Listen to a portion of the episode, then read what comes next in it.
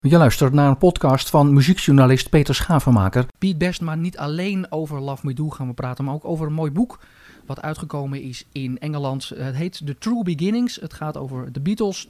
Aan de telefoon heb ik nu uh, Piet Best. Piet, welkom. Nice being here. Um, first talk about the book, hè? Uh, mm -hmm. The True Beginnings. It's a very nice title. Well, it is. I mean, that's basically what the book's all about, uh, Peter. Um, it's the the untold story of what happened at the Casbah um, and my mother, you know, how she was uh, so creative in uh, the unsung hero as regards, you know, work that she did for the Beatles. And um, of course, it's well chronicled. There's a lot of memorabilia in there, um, a lot of photographs which have been taken by Sandro, um, you know, worldwide, world famous photographer, um, which is absolutely beautiful within the book itself. But the actual title itself conveys everything. It is the true beginnings, and we basically uh, wanted to tell the story of our mother and the Casbah and the origin of the Beatles and put straight a few myths, and that's what we've done within the book itself. Yeah, let's start at the true beginning. Uh, the Casbah was opened on the 29th of August 1959. Mm-hmm. Um, indeed, um, yeah, uh, by idea of your mother Mo, uh, who, who, thought um, maybe um, make a, a, a, sort of uh, extra thing in the basement so you could have a place of your own, eh? Basically, yeah. I mean, she wanted us to have a den down there, and then she came up with the idea of actually opening a coffee bar, um, which she called the Casbah, and she set a date to that for, for August the 29th, 1959. Yeah. Well, what's the reason it's got to got to be a, a coffee bar then? Well, basically, what happened was uh, we we had these cellars in the house, you know, below our house in Hayman's Green, and uh, she was watching a program um, on television which was covering the 2i's Coffee Bar, which was a very famous coffee club or coffee bar down in London, and was the birthplace of a you know a few household musicians, Cliff Richard, Tony Sheridan, and a lot of others. And she turned around and said, you know, in view of the fact that we had the cellars underneath our house, she thought it would be a brilliant idea, and because of the fact that coffee bars were, you know, the in thing at that time, to actually open a coffee bar in the cellars of our house and introduce live music there. Yeah, uh, one of the helpers uh, to, to build the basement was the girlfriend of George, Ruth Morrison. Mm-hmm, mm-hmm. Um, and, and, and did that help you the first contact with, uh, with the lads? It did in a way because um, when my mother decided that she wanted live music, um, Ruth basically knew that uh, the Les Stewart Quartet was playing at Lowlands, and of course George Harrison and Ken Brown were members of that particular band. Uh, so my mother went down and basically sort of turned around and said to Ruth, you know, approach them, uh, talk to Ken, um, see whether he's interested in the idea, and if he is, then we'll arrange a meeting. And of course, that meeting took place, uh, and Mo explained to Ken and George um, what the ideas were for the Casbah, and it was very much a case of yes, we want to do it. Yeah, your your mom and dad already uh, always encouraged you to, to, to do something with music. Eh? You you were interested in skiffle music, uh, let's say uh, uh, the prehistorical thing of the of the rock and roll in England. Oh yeah, I think you know. I mean, there was always encouragement for music from this particular household. Anyway, that's why my mum and dad were so different. I think from a lot of other parents in Liverpool, they actually encouraged it. Um, and yeah, it goes back to the skiffle days, you know. And then of course when skiffle transferred over to blues and then blues into rock and roll, it was very much a case of yeah, I wanted yeah. to be part of that. Yeah. Uh, did you listen uh, when you were young to to radio stations? Did I listen to radio stations? Yeah. Yeah, very much so. I think the big one at that time was Radio Luxembourg. Uh, that used to, you know, blast itself out. Even though there was music on the the conventional channels, if I put it that way, you know, the Home Service and the old BBC. Mm-hmm. Radio Luxembourg, um, when I was a teenager, was the one that you used to listen to. You know, used to have. Uh, Jackson on, uh, and that was the one which played all the hits and all the new material. Yeah. Of course, many many years afterwards, that was overtaken by the BBC and of course Radio Caroline, which was the pirate station. But yeah, anything that was playing music, I listened to it. Yeah, and of course Radio Veronica, huh? Of course, yeah, yeah, yeah. yeah. Which Radio 192 is, let's let's say, an adapt of, with all the presenters from from then uh, restarted it uh, all over again on the AM frequency. So maybe that's a nice link, eh? Also well. Well, of course, yeah, yeah. yeah. I mean, it was. Uh, you know, I think when people realized the music was going to be, and you know, the kids wanted to listen to those types of programs and that type of music, that opened the doors for everyone. Yeah, and then you were asked to join a group. I think your first band was named the Blackjacks. My first band was yeah, the Blackjacks, yes. Yeah, with Bill Barlow on the bass and Ken Brown, uh, the lead guitarist. Can you uh, uh, remember what happened with the Blackjacks? The Blackjacks, um, when I actually joined the Beatles, they went and became uh, I suppose you could turn around and say regular people. Um, Chaz went off to become a um, a scientist. Bill Barlow went off to work, um, you know, in chemicals and you know his own industry. And Ken, uh, after having many many jobs, uh, basically ended up somewhere on the, the, the south coast of England. Mhm. Um, but we got together about three years ago. I mean, even though uh, we'd still kept in touch, we were still, you know, in, in touch with one another. And at the 40th anniversary of the Casbah, uh, the Blackjacks actually got together after 40 years and did a reunion concert, which was a lot of fun. Yeah, in in the Casbah uh, nowadays, it's it's full with um, um, uh, memories. Uh, do you see it that way for you? How how do you walk into the Casbah? How do you feel like inside? It's like stepping back into a time capsule. Um, I can hear the voices, I can hear the music, I can see the people, I can see the members, I can see the bands who used to play down there. Um, I can see my brother Rory serving behind the uh, the coffee bar. I can hear the hiss of the, you know, the coffee machine. I can hear the jukebox playing out the music. It's just like stepping back into yesteryear. Um, it's great memories, and you know, the Casbah for me it is just a piece of history, and it's fortunate that I can walk into that history at any time and be part of it. Yeah, it's special. that The the Casbah Club has been uh, uh, uh, saved by uh, history, huh? It has, yeah. I mean, it, that's one of the things. It's simply because of the fact that um, when it did close in 1962, I mean, it had become the catalyst for the Mersey sound, and you know all the Merseyside bands who played there. Every band that was, you know, big in Liverpool played at the Casbah, and even the you know the up and coming bands. It was a stepping stone for them. But once it closed its doors, um, you know, it it was overtaken by other things. I mean, it was the club, uh, the Casbah, the Cavern became famous as a result of our closure. Uh, but now we, you know, uh, because of the history and because of, you know, our involvement with it and the fact that, yes, we do want to let people know about how historical and how important the Casbah is, that's what it's all about now. Yeah, uh, the, book has been uh, uh, published uh, uh, in England and is only, I think, available in England for 80 pounds. Um, yeah, uh, released on, on the 24th of August in, in Liverpool. Can you see the, the book as a tribute to the Casbah Club? Yes, it is. I mean, it was written very much um, As a not, tribute, not or- just for the Casbah. I mean, a tribute to our mother Mona as well, because Mhm. she was the unsung hero. It's a case of, you know, all these people um, should actually now, um, even though we've said it for many, many years, now we're in a position where we can actually turn around and let people know how creditable they were, how honourable they were, how much they actually deserve to be mentioned. You know, and it's it's very much a case of that was one of the reasons for the book actually being released. Yeah, uh, lots of things uh, uh, to see. Uh, uh, uh, pictures, uh, uh, paintings on the wall by by John, um, uh, medals worn by uh, the the uh, the Beatles on Sgt. Pepper's, given Mhm. away by uh, uh, the, your the father, Mona's, uh, your father. eh?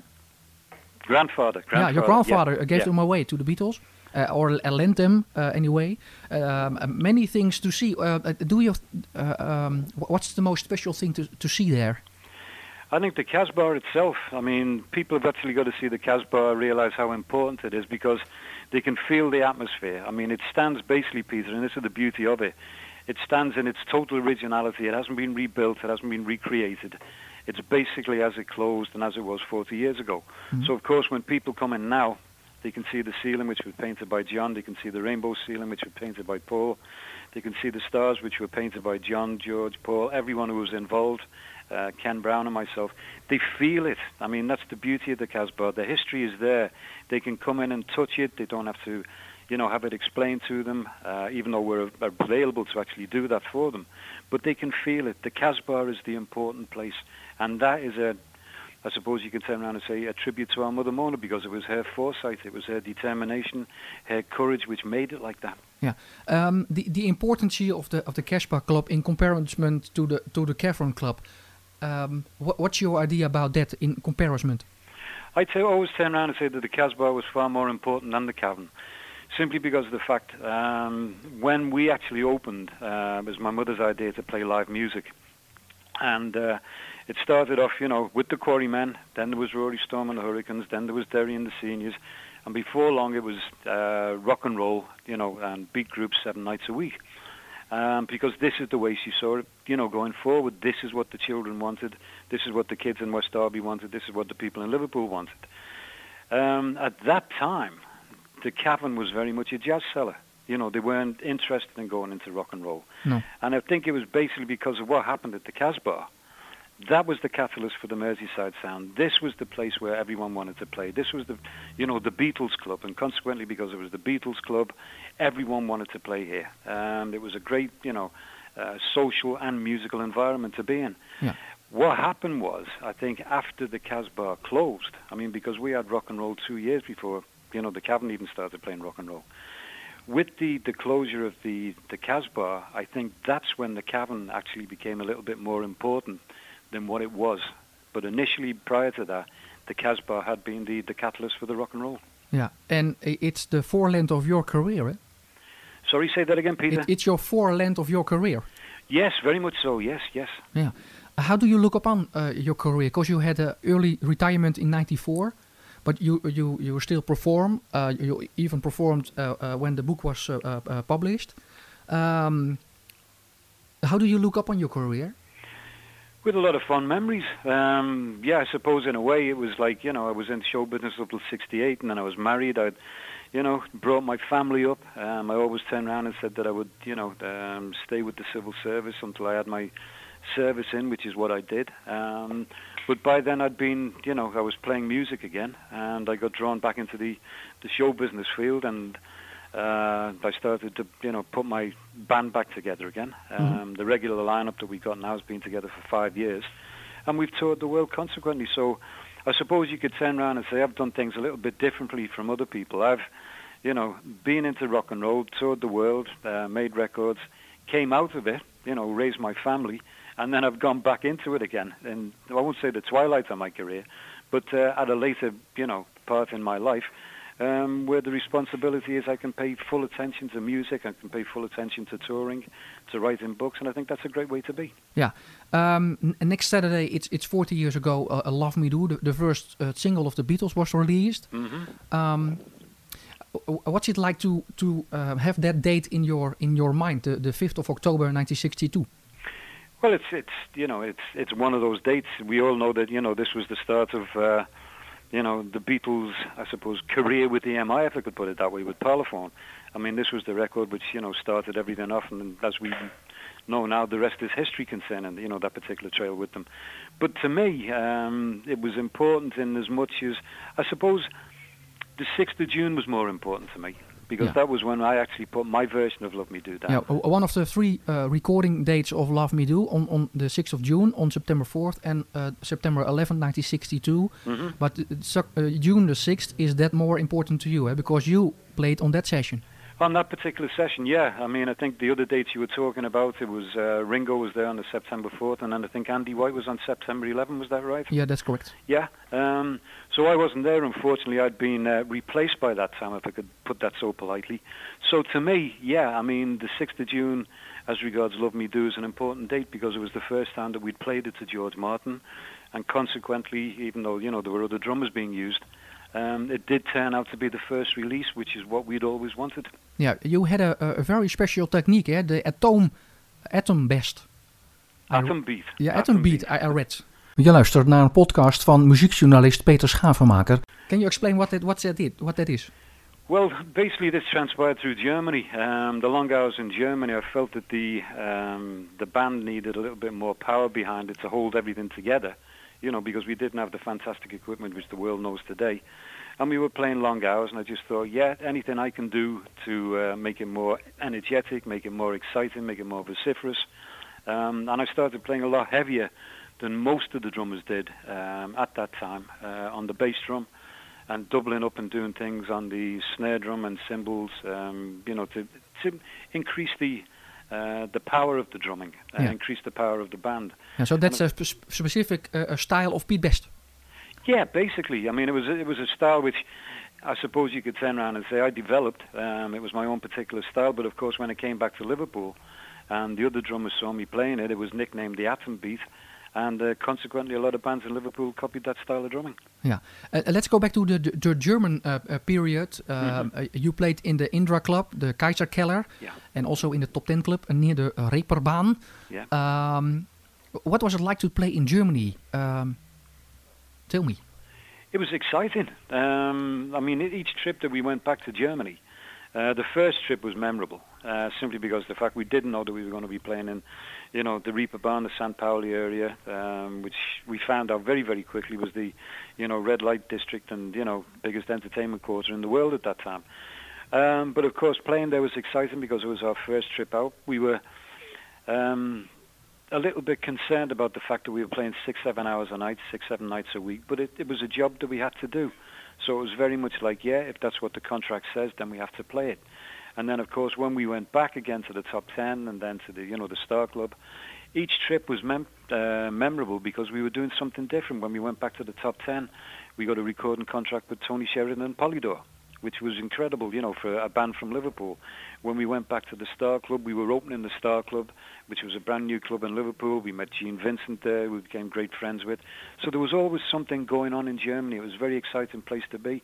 And I've always turned around and said that because of the amount of time we spent in Germany and the length of hours that we were playing there, um, that was the foundation for the Beatles' music. Yeah, did that you, was the cornerstone. That was that was what we uh, re- reared our teeth on. Yeah. Did you realize then uh, something special was going on, or just, or uh, did you thought, okay, it just it's just a band?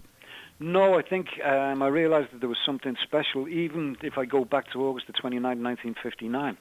I mean, I stood in the audience on that particular night when they played there as the Quarrymen uh, at the Casbah and there was something special because of the type of music they played, the harmonies they were doing, the way they presented themselves.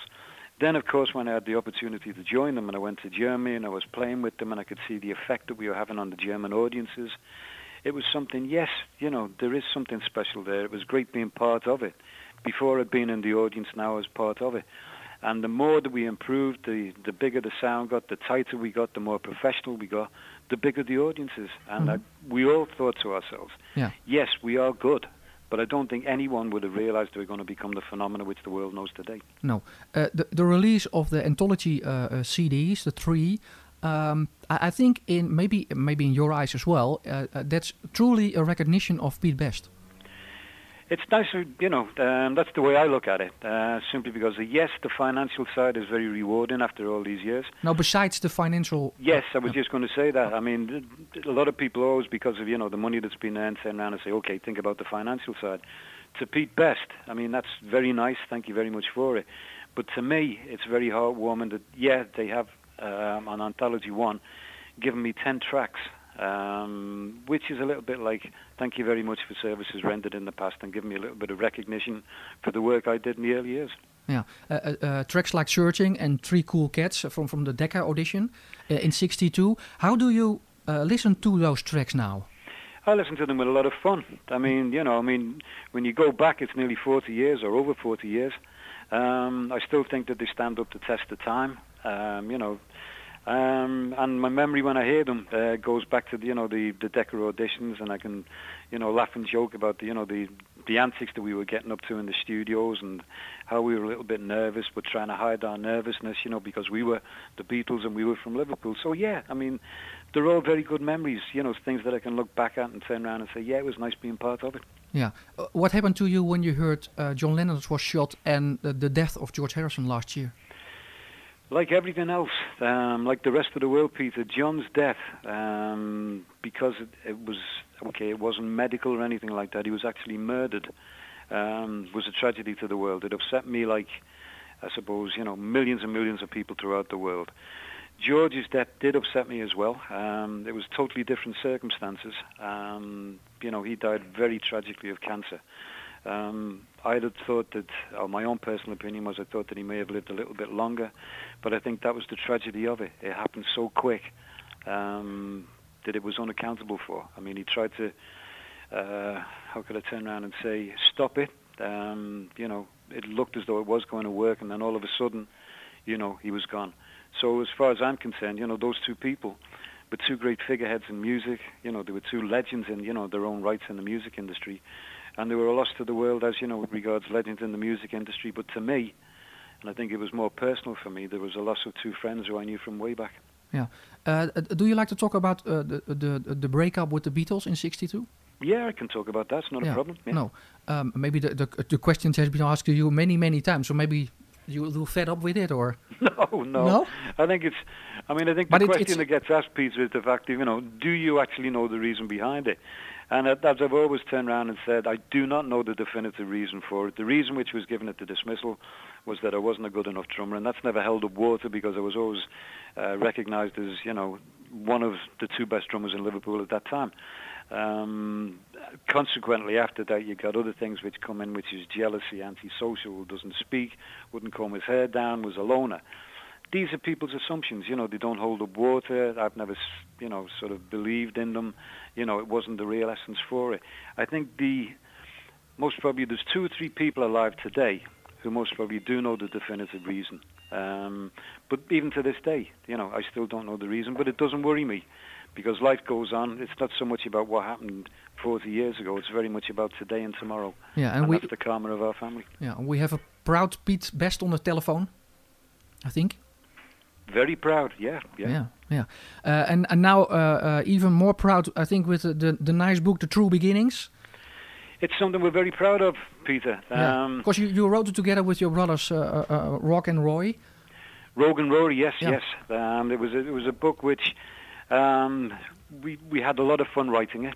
Uh, we had, you know, there were moments of sadness because it involved so many memories of our dear mother. But you know, the the other side of the coin was, you know, there were so many great stories that we could laugh and joke about, and it took us back. And what we tried to do with the book is take people back and let them feel the atmosphere and the charisma of the uh, the Casbah and what you know my mother Mona Best was all about. Yeah.